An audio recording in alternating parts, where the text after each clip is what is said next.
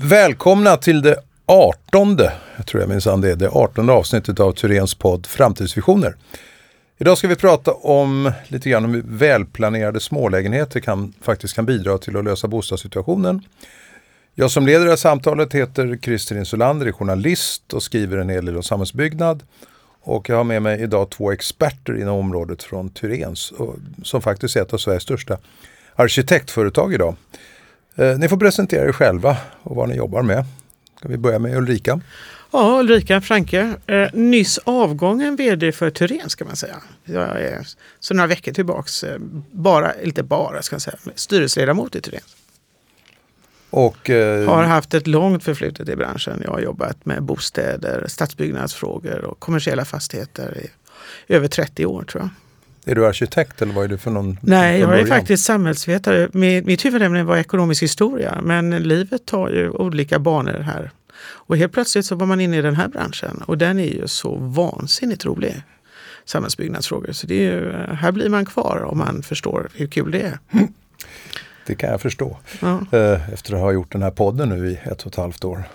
Ove, du har kommit hit från Skellefteå va? Ja, jag är jag heter Ove Nilsson och är arkitekt och eh, jag är avdelningschef på, på, i Region Nord. Och eh, jag har jobbat länge med alla möjliga former av projekt, både bostäder men mycket annat. Jag är också kompetensområdesansvarig för, för arkitektur inom Tyrens. Har du något specialområde inom arkitektur? Det vet jag inte. Jag är ganska bred tror jag, men, men eh, jag har ett visst eh, specialintresse för trä, modernt träbyggande. Så det tycker jag är extra spännande. Det händer mycket på det området just nu. Eh, den direkta orsaken att vi sitter här är att eh, ni på Tyréns har utlyst en, kan man säga utmaning eller intern tävling. Att rita en smart lägenhet. Mm, Och som Ulrika, berätta lite grann vad är det för, något, för någon utmaning? Ja, alltså, vi har ju haft ett par år nu, eller flera år, en debatt om att bostäderna blir för dyra och att man har svårt att efterfråga dem. Och ett sätt är ju då att dra ner på antalet kvadratmeter för lägenheterna, för det är ofta det som ändå bestämmer priset. Eh, och då gäller det, om man ska dra ner på kvadratmeterna, så gäller det att ha, fortfarande ha dem funktionella. De måste ju fungera. Eh, och det var där så att säga som utmaningen låg. Och då, eh, då var det faktiskt så eh, att eh, min dotter skulle sälja en lägenhet till en frånskild pappa som skulle ha sin inne, dotter inneboende hos sig då varannan vecka. Hon var åtta år och jag kunde inte se att det var helt enkelt att få ett liv att fungera den där lite större ettan, ett och en halvan som det var. Och det var det jag kände då, att det här blir en utmaning, för det är nog många som har det så. Att man kanske bor eh, två, delar lägenhet, så separerar man och så ska den där pengen som man får över, den ska räcka till två lägenheter. Och då måste man gå ner i storlek. Och så är det många då som kanske inte ens eh, kommer in i den större lägenheten från början så att säga, utan måste ha något mindre. Och då kände jag att det här, det här är faktiskt en utmaning att få ihop det där. Vi har byggt väldigt standardiserat i många år. Går det att krympa ytorna och ändå få in funktionerna? Och vi gör ju det ibland, alltså när vi åker till fjällen så klämmer man ju in hela familjen där, fem pers i 60 kvadrat och liksom får det där att funka. Och vi trycker in varandra i husvagnar och båtar och sådär. Och då har vi lite snitsiga lösningar för att det ska funka. Så tänkte jag att det finns säkert en sån möjlighet också i bostäder. Så det var där, därav så att säga, vi satte igång det här projektet. Jag tycker det det är en viktig fråga för samhället därför att vi, vi även om nu bostäderna har blivit något mindre i kvadratmeter just av det skälet att eh, man vill dra ner på ytorna så tycker inte jag att funktionen har följt efter. Det, det här specifika uppdraget då, är det, är det eh, internt av Tyrens eh, arkitekter eller vilka är det som har fått den här utmaningen? Ja, det var till Tyrens arkitekter. Ja, det stämmer ju. Vi fick ju eh, en inbjudan till att vara med i en slags vi skulle inte säga tävlingssammanhang, men det kan likna lite grann en arkitekttävling fast vi gjorde det inom Tyrens. Då. Och jag tycker man, mer man får betrakta det som en slags eh, undersökande utredning, parallella uppdrag till att, att undersöka just det där. Hur kan man få till en, en lägenhet, en bostadslägenhet på 40 kvadrat. Och ni hade några kriterier där också på det uppdraget? Ja, det stämmer. Vi, vi, vi, man sa att vi behövde inte ta hänsyn till gällande normer vad gäller tillgänglighet och kanske andra saker också. För det finns ju normer och regler som styr hur lägenheterna får se ut idag. Så där var vi lite mer fria. Men att de skulle, just som du sa, just att det här skulle vara en vuxen och ett barn, alltså personer som behöver eget utrymme. Planerad så att det går att bjuda in vänner och effektiv och modern till låg kostnad. Eh, jag har läst på som ni hör. Ja. Eh, vad, vad, och hur många förslag har ni fått in och kommer de här då kunna kommuniceras till allmänheten på något vis? Vi fick ju in då eh, fyra förslag. Jag tror det var fem. Till och med fem förslag Ja. fick vi in. Fem förslag fick vi in. Eh, och ja, vi, har haft en, vi hade en eh, samlade, de som var delaktiga och så hade vi några byggherrar med. Eh, och eh, de blev då intresserade av det enskildheter i det där. Jag har också presenterat det för några andra byggherrar som hade hört talas om det, inte i detalj på något sätt utan bara projektet som vi har haft. Så jag har inte visat ritningar eller något sånt där. Men det finns ett intresse för lösningarna så att säga, hur, hur vi får ihop det. Uh, och uh, jag tror att det är många som är lite nyfikna på hur man skulle kunna göra det här uh, mer alltså funktionellt i de mindre lägenheterna. Det finns ju firmor som har gjort väldigt små ettor för enskilda personer. Alltså för enpersonshushåll som är ganska bra, funktionella. Och så här, tryckt in många lösningar liksom på 23-25 kvadratmeter och sådär. Men utmaningen här är ju liksom att det är ett vuxen och ett barn som har olika behov. Eh, och det tycker jag, det, det, det är väl där så att säga klon ligger lite i det här. Att det ska vara eh, förälder och barn. Eh, och där finns det smarta lösningar. Kan man säga någonting om de här, något generellt, eh, Ove du som har sett där, de här bidragen som kommit in? Finns det någonting som, något genomgående man kan konstatera? Mm, ja, jag vet inte riktigt vad jag ska säga om det finns något genomgående. Eh, de olika förslagen har, har, tacklat det hela på lite olika sätt tycker jag man kan se. att Det gäller att liksom vara smart och utnyttja ytor och rymd på, på smart sätt. Eh, Vissa har jobbat kanske mer med, med att, att eh, få till rymd i lägenheten, fundera på, på hur hög takhöjd och sådana där saker. Och på det sättet försökt skapa rymd i lägenheten. Vissa har fokuserat mer på smarta lösningar i flyttbara väggar och så. Det kan man se. Och medan andra också har funderat mer på själva byggsättet och byggsystemet för att få ner kostnaderna på det viset. Så att det, det är både yta, smart teknik och eh, byggteknik också. Ha- Hade, fanns det några regler hur högt i tak det fick vara när ni skulle rita? Nej, det fanns det inte. Det, var- det var en kamrat till mig som sa häromdagen i Stockholm att man borde ta betalt per kubikmeter istället för kvadratmeter. Det är klart att det är skillnad om man har högt i tak och kan bygga loftsängar och så vidare. Fast Absolut. det, finns det en, högt i tak har ju en, det är lite dubbelbottnat för har man, eh, ofta har man ju en planbestämmelse som säger hur högt huset får bli och tappar du en våning då på det så blir ju hela projektet inte särskilt bra ekonomiskt. Så det, det, men det finns ju naturligtvis lägenheter som redan från början har högt i tak. Alltså så här, det, är en 360-380 i gamla hus. Mm. Och då kan man ju fundera på hur man utvecklar det. Och det gör ju många med loft idag.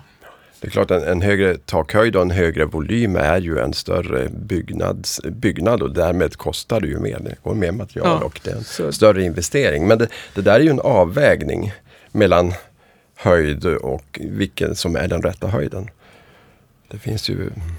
Ove, du är kanske lite, du är lite jävig för du har ju själv varit med Ja, ja. faktiskt i ett av de här ja det förslagen. verkar ju så kul så jag var tvungen att vara med. Så att, Men berätta, kan du berätta lite om ert förslag Ja. och hur ni har tänkt? Ja, vi, vi- funderade, vi, vi, sats, ja, ja, vi satsade på trä naturligtvis eftersom jag tycker det är intressant med det. Så det var naturligt för oss att ha den utgångspunkten.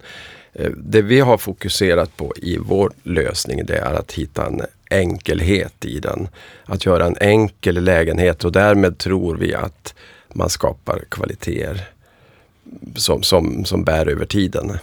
Hur definierar du ordet enkel? Ja, det finns en enkel planlösning. Vi har, bygger på att vi har gjort en, en mitt där vi har samlat våtenheterna och så kan man gå runt den. Det tror vi skapar trivsel i en lägenhet.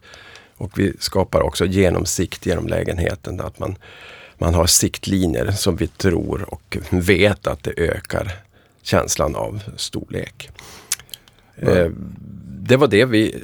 Och så, sen har vi funderat ut ett, ett, ett, ett byggsystem som vi tycker och tänker oss att det är väldigt lätt att eh, tillverka på, på fabrik och eh, förtillverka och därmed kunna hålla ner kostnaderna. Och varför har ni valt just trä som byggmaterial? Därför det lämpar sig väldigt bra för, eh, för industrialisering och att tillverka på fabrik och det är lätt att transportera. Så vi tänker oss att vi bygger vårt eh, hus i en slags IKEA-platta paket som man kör ut på en lastbil och plockar ihop på arbetsplatsen på ett enkelt sätt. Och eh, vi tänker också att den enheten går att addera på olika sätt på höjden och på längden. Och därmed blir väldigt användbar i olika sammanhang. Det var vår idé. Mm. Eh, vad kan man då säga kännetecknar en smart lägenhet? Ulrika, du pratade här om båtar och fjällstugor. När vi förpratade på telefon nämnde du också den här fantastiska husvagnen som Musse Pigg åker runt ja. med på i ja, tv här om en knapp månad. Ja, alltså, men det är ju lite så va? att vara flexibel, att en yta kan användas på olika sätt över dygnet. Det tror jag är liksom en, eh, en sån här viktig insikt i det här. Att man har en yta och den behöver inte vara identiskt likadan på alla dygnets timmar. Uh, och jag har ju sett nu faktiskt, uh, lite kul, jag gick förbi någon butik häromdagen som började sälja sängskåp det är väl liksom ett tecken i tiden då, va? att man kan smacka upp den där sängen liksom när man går på morgonen. Kanske man slipper bädda också, det är en himla fördel bara det. Så att säga. Man, man liksom kommer iväg snabbt och så är det klart. Och, så. och jag tror att den typen av lösningar, man kan se Ikea har sålt en del sådana här skrivbord som man liksom hakar upp från väggen som blir platta och sådär. Det finns fler och fler smarta lösningar som gör att man kan använda ytan på ett annat sätt. Och då tror jag att enkelhet i själva ytan är viktigt att man inte har byggt bort den möjligheten. Sen är det ju, eh, och jag tror att det där kommer, alltså flexibilitet, agilt heter det nog mera idag tror jag. Att man ska vara agilt byggande, flexibelt och många möjligheter och sådär. Har, har te tekniken hjälpt till här? Jag tänker på vi har ju faktiskt, menar, vi, pratar, vi pratar om det som ja, tv-möblering. TV-möblering Tjock-tv ju... finns ju inte längre och mycket Nej. av de här fysiska produkterna Nej. har vi ju nu i en telefon. Eh, Absolut, och jag vet ju flera som har, inte har tv utan har en projektor i taket. Eh, så man, man liksom häktar ner någonting från väggen och så tittar man där om man vill. Eh, och det finns ju tv-apparater idag som ser ut som en tavla i och för sig om man nu vill ha det så. Men man kan ju sitta i sina egna telefoner, folk kan titta i sina egna paddor och sådär. Jag tror inte alls vi är bundna lika mycket som vi har varit förr mot tv-möblering och så. Nej, det håller jag med dig verkligen. Att, att, eh, jag tror att den nya tekniken har blivit mindre.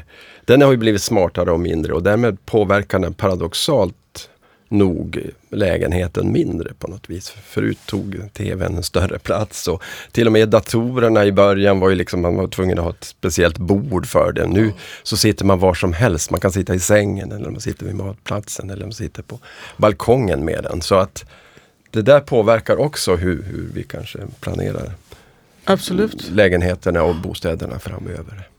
Ove, du nämnde några grundläggande fundament för en smart lägenhet. Berätta. Ja, en smart lägenhet eller en, en, en bra lägenhet eller en bra bostad. Det, det måste ju vara så att, att det ska ge plats för, för att kunna äta mat och matlagning, för sömn och det ska vara för samvaro man ska också kunna sköta sin hygien. Det är väl det man kräver av en bostad. Och eh, man ska kunna förvara en del saker också.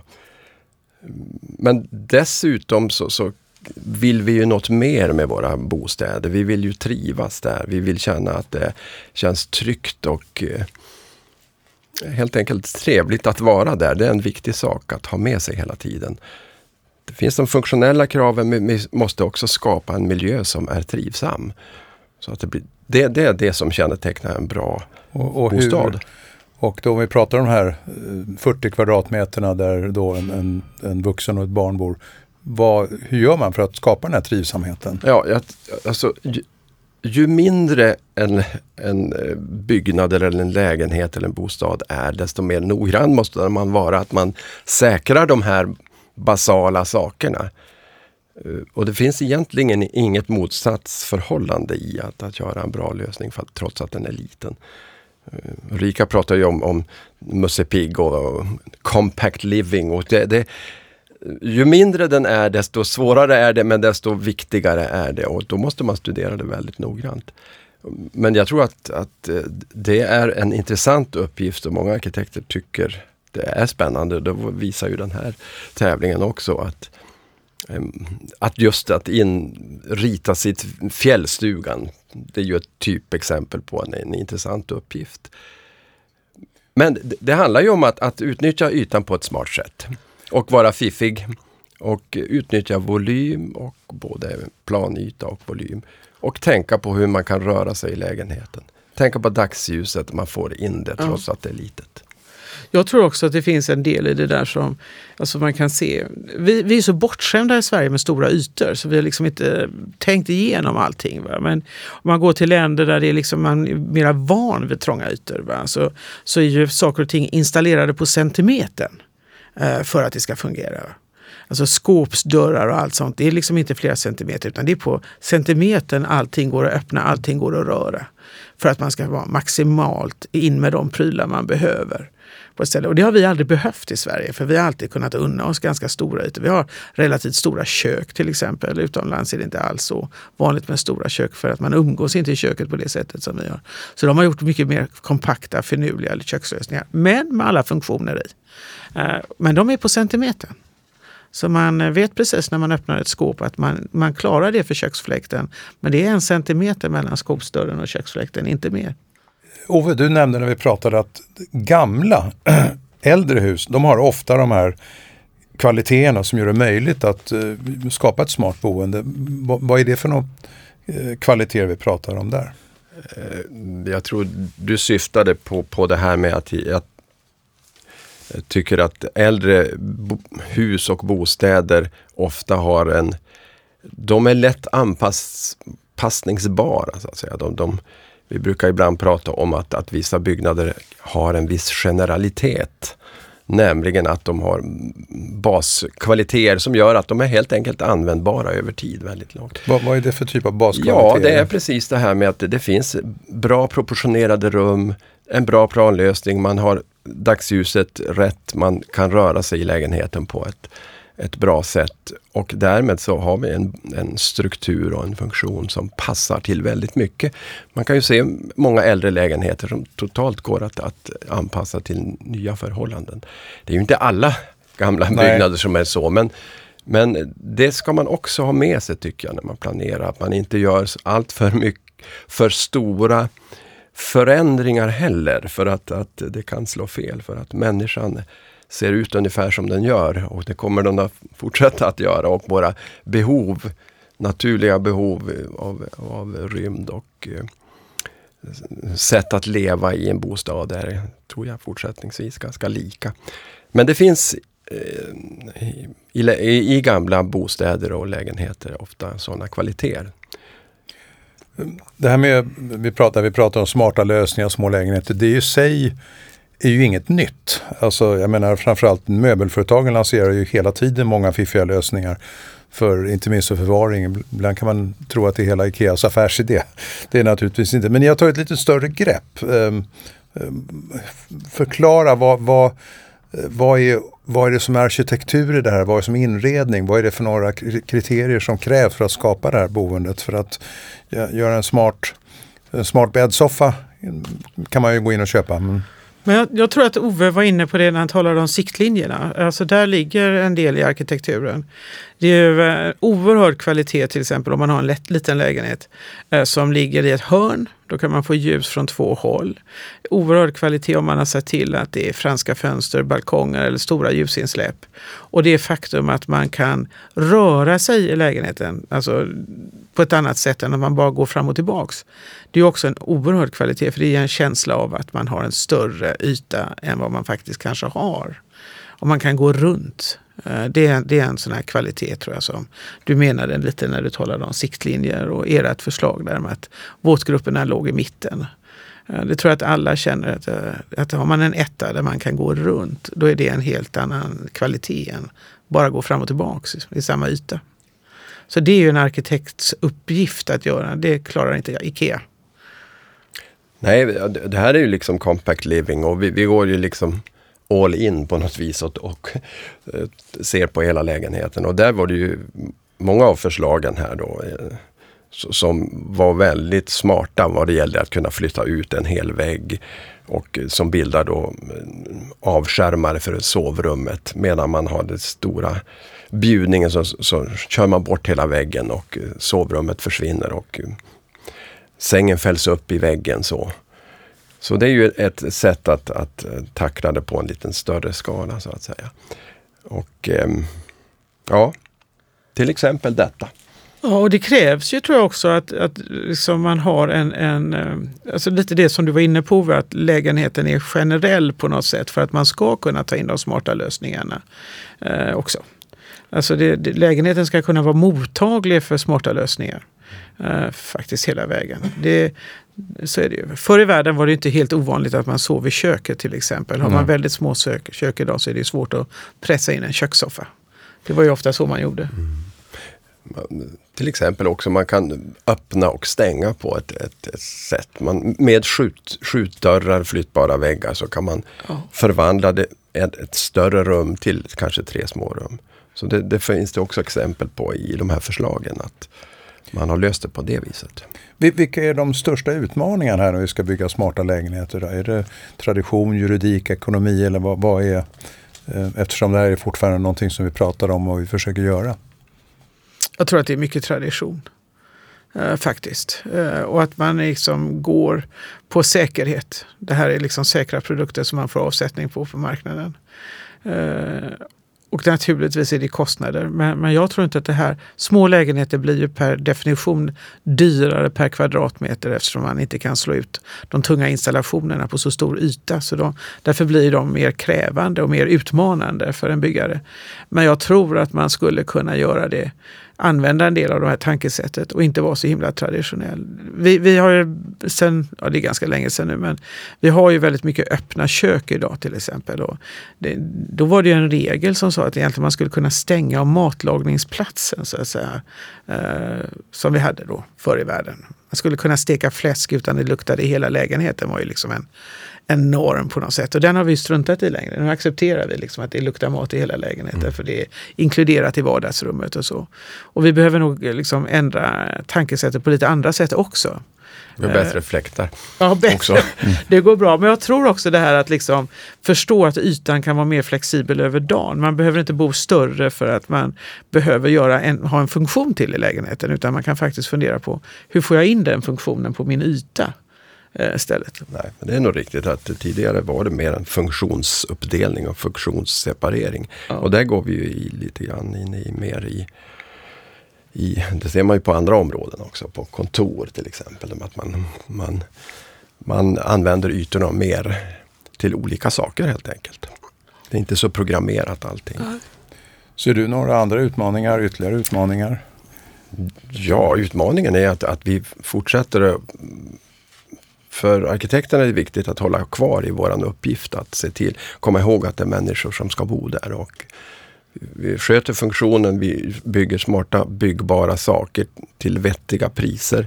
Men att det också blir en, en trivsamhet så att folk tar till sig det. Och det tror jag är viktigt.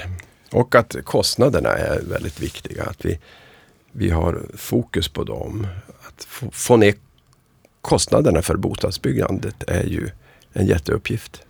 Jo, det är, det är, en, det är en central uppgift man pratar om mycket överhuvudtaget. Just framförallt för att få ut unga på bostadsmarknaden. Men om vi då, det här med kostnaderna, kan man behöva kompromissa för att hålla kostnaderna nere och i så fall vad kan man kompromissa med? Att vi inte behöver kunna stänga in oss i köket är en sak, det har vi vant oss vid. Finns det några andra kompromisser man kan göra och fortfarande skapa ett trivsamt boende till en bra kostnad?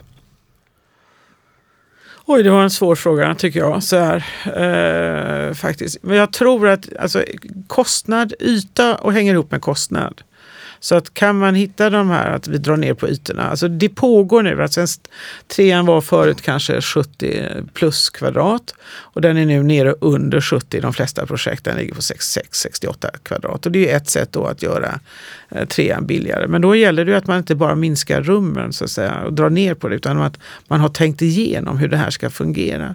Jag tror att förvaring är en sådan sak som man borde kunna jobba mycket smartare med.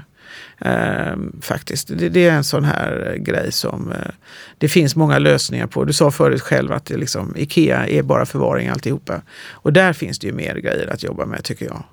Vi ser ju idag till exempel att ungdomar som har liksom, liten lägenhet de tycker det är helt okej att ha garderoben i rummet. Jag vet inte om det är för att man vill visa upp sina kläder men det är inte helt ovanligt nu att man har en, so en klädstång som står löst i rummet så att säga. Uh, istället för att bygga in då en garderobsfunktion i lägenheten. Mm. Uh, och då kanske det är att man behåller luftigheten för man slipper en stor garderob. Och man tycker det är okej att man har liksom lådor under sängen och så har man en klädstång. Uh, så, så var det klart. Mm. Det, ja, det kan mm. vara en del. Det kan ju vara det finns ju krav på takhöjder till mm. exempel. Mm. Jag kan tänka mig att delar av lägenheten kan ha en betydligt lägre takhöjd till exempel. Det kan vara exempel på, på saker som man kanske skulle kunna komma fram med bättre, smartare lösningar om man jag sitter, jag sitter och ler här för mina söner har nyligen tillsammans köpt 36 kvadratmeter och lyckas dela in i två rum och har den ena har en mm. klädstång i, ser, i sovrummet. Precis det du har berättat ja. om. Ja, för det är liksom en garderobsfunktion som man ofta köper då. Den är ju lite stor och tung. Va? Den, den tar rymd i rummet liksom. Mm. Vi sen pratar... har väl ingen bokhyllor längre. Jag tänkte på en annan sån här sak som var. Alltså, bokhyllor är väl en grej som kanske finns i paddan idag. Mm. Eller i datorn eller ja. telefonen och så också. Va? Så det, det, är också en sak som tar mycket rymd i en lägenhet, mm. bokhyllor. Även om det är väldigt trivsamt. Vi har, vi har konstaterat här att det främsta skälet till att vi börjar bo trängre är kostnaderna och, och de här varannan veckas föräldrarna vi pratar om. Eh, du Ulrika, om vi höjer blicken, är det här en tillfällig trend eller är det någonting som är här för att stanna tror du? Nej, jag tror att det är här för att stanna. Och jag tror att vi har haft en, eh, en situation där Sverige har varit, vi har varit väldigt glest befolkade på många sätt. Och nu blir vi, städerna blir tätare och tätare för att vi vill använda redan befintlig infrastruktur mer och mer. Kommunernas ekonomi driver åt det hållet. Eh, så att jag tror att det här är ett fenomen som är på väg att stanna. Och jag tror att i och med att många bor i städer idag så blir det också så att man vill ha närhet eh, till mycket. Det är det som är stadens charm på något sätt, att man kommer åt många saker på ett enkelt sätt. Eh, och då blir, de här, då blir det trångt i mitten, då går kostnaderna, priserna upp. Och då vill vi ha in fler funktioner på liten yta. Och jag tror att man kan se det i flera fenomen också därför att det är inte säkert att vi tycker det är nödvändigtvis så att vi måste umgås i våra lägenheter längre. Utan ett stort umgänge har ju flyttat ut på eh, krogarna och, och kaféerna. Eh, vi har ju en explosion i restauranger och kaféer i städerna och det är ju för att man umgås där också. Man behöver inte bjuda hem alla på middag på fredag utan man säger vi ses där och där. Mm. Och det, ju, det, förändrar ju också behovet i, i liksom, av lägenheter. Ja, det tror jag är liksom ett levnadsmönster som kanske förändras. Jag tänkte på det, det här med tvättmöjligheter i lägenheter och så. Man kanske kan komma att se fler lösningar där man samnyttjar vissa sådana funktioner i ett, ett bostadshus till exempel. Alltså när jag bodde i London så gick man ju ut till en tvättomat. Där, där samlades man mm. på lördagar. Man träffade ju nya kompisar vid tvättmaskinerna när man gick ut. Så jag, jag, tror att det kommer fler sådana lösningar. Eh, för man inte får plats med pelare i badrummet eller att huset kanske inte har en välfungerande tvättstuga. Och så. Så jag tror att det kommer många typiska så att säga, tätortslösningar. På Lite som New York. Där ja, varför, alltså, varför inte? Alltså, varför inte? Jag tycker att det jag vet ju att under, när jag bodde i London på 70-talet så hade man inte så stora lägenheter som man umgicks i dem utan då var ju puben träffpunkten. Sen har man fått en högre bostadsstandard i London och nu dör pubbarna lite. De är inte samma träffpunkt som har varit. Och vi har blivit trängre här, här inte minst i Stockholm och nu eh, umgås vi på krogen istället. Och så är det en paradox då att då bygger vi aldrig, vi har aldrig byggt så stora kök som vi gör nu om man tänker på andra andra bostäder så där, som är lite större och exklusivare så bygger man kolossala kök som aldrig används. Men är det inte för att vi hänger i köken? Alltså köken är, alltså jag tror att man skulle kunna slopa vardagsrummen. Alltså de här. Jo, det har för, blivit en symbol för ja, samvaro så att ja, säga. Men, så står man och hänger där över den här köksön och dricker öl och vin. Och, mm. och så är det någon som kanske rör i en kastrull. Men det man, är inte mycket. Inte, man lagar inte så mycket mat. Nej, det är inte mycket mat som lagas utan det är väl mer att man hänger i köket för det är trivsamt. Alltså. Mm. Man brukar ju säga att köket är lägenhetens hjärta. Ja. Men det kanske är på väg att förändras. Om vi, en avslutande fråga om vi tittar lite visionärt. Om vi ser Eh, och just, just ur det här perspektivet, eh, smarta lägenheter. Hur tror ni att det ser ut om 25 år framåt? Ulrika? Ja, jag tror ju att vi bor, alltså antalet kvadratmeter per individ har minskat och att vi har fler flexibla lösningar och att ny teknik som jag inte ens har en aning om vad den kommer innebära idag kommer att ha förändrat saker och ting. Precis som vi pratade om att vi har böckerna i paddan, vi ser inte på tv, den här tjock-tvn längre och så. Det kommer säkert finnas fler sådana lösningar eh, som kommer som gör att som ändrar vårt beteende i det lilla. Men jag är definitivt övertygad om att vi kommer bo i, med färre kvadratmeter per individ eh, generellt sett om 25 år. Absolut. Ove, din framtidsspaning? Ja, jag håller med där. Jag, jag tror absolut att vi, vi går mot mindre ytor. Och det, det, är ju trevligt, vi som håller på med det här nu, då får vi planera ännu mer noggrant. För ju mindre man bygger, desto mer noggrant måste man planera. Och eh, jag tror också att, att kanske boendet kommer att, eh, att eh, det kommer att finnas ett bredare utbud av, av olika sätt att bo. Och, och eh, många aktörer som kommer in och, och hittar nya lösningar. Jag tror mycket på det här industrialiserat byggande. Till exempel olika eh, tekniker som kan göra det möjligt att bygga bostäder på ett smart och eh, kostnadseffektivt sätt. Det tror jag är en, en, en sak i framtiden. Och mm. sen tror jag också att framtiden kommer vi ha ett medvetnare konsumenter också. Man, man, man kommer att veta vad man vill ha på ett annat vis. För att i, i takt med att vi gör, blir mer får en ny, ny teknik och så, så får man också en behov av upplevelser och man ställer krav på att det ska finnas en kvalitet så i huset också, i bostaden. Som vi pratade om köket som en mötesplats till exempel.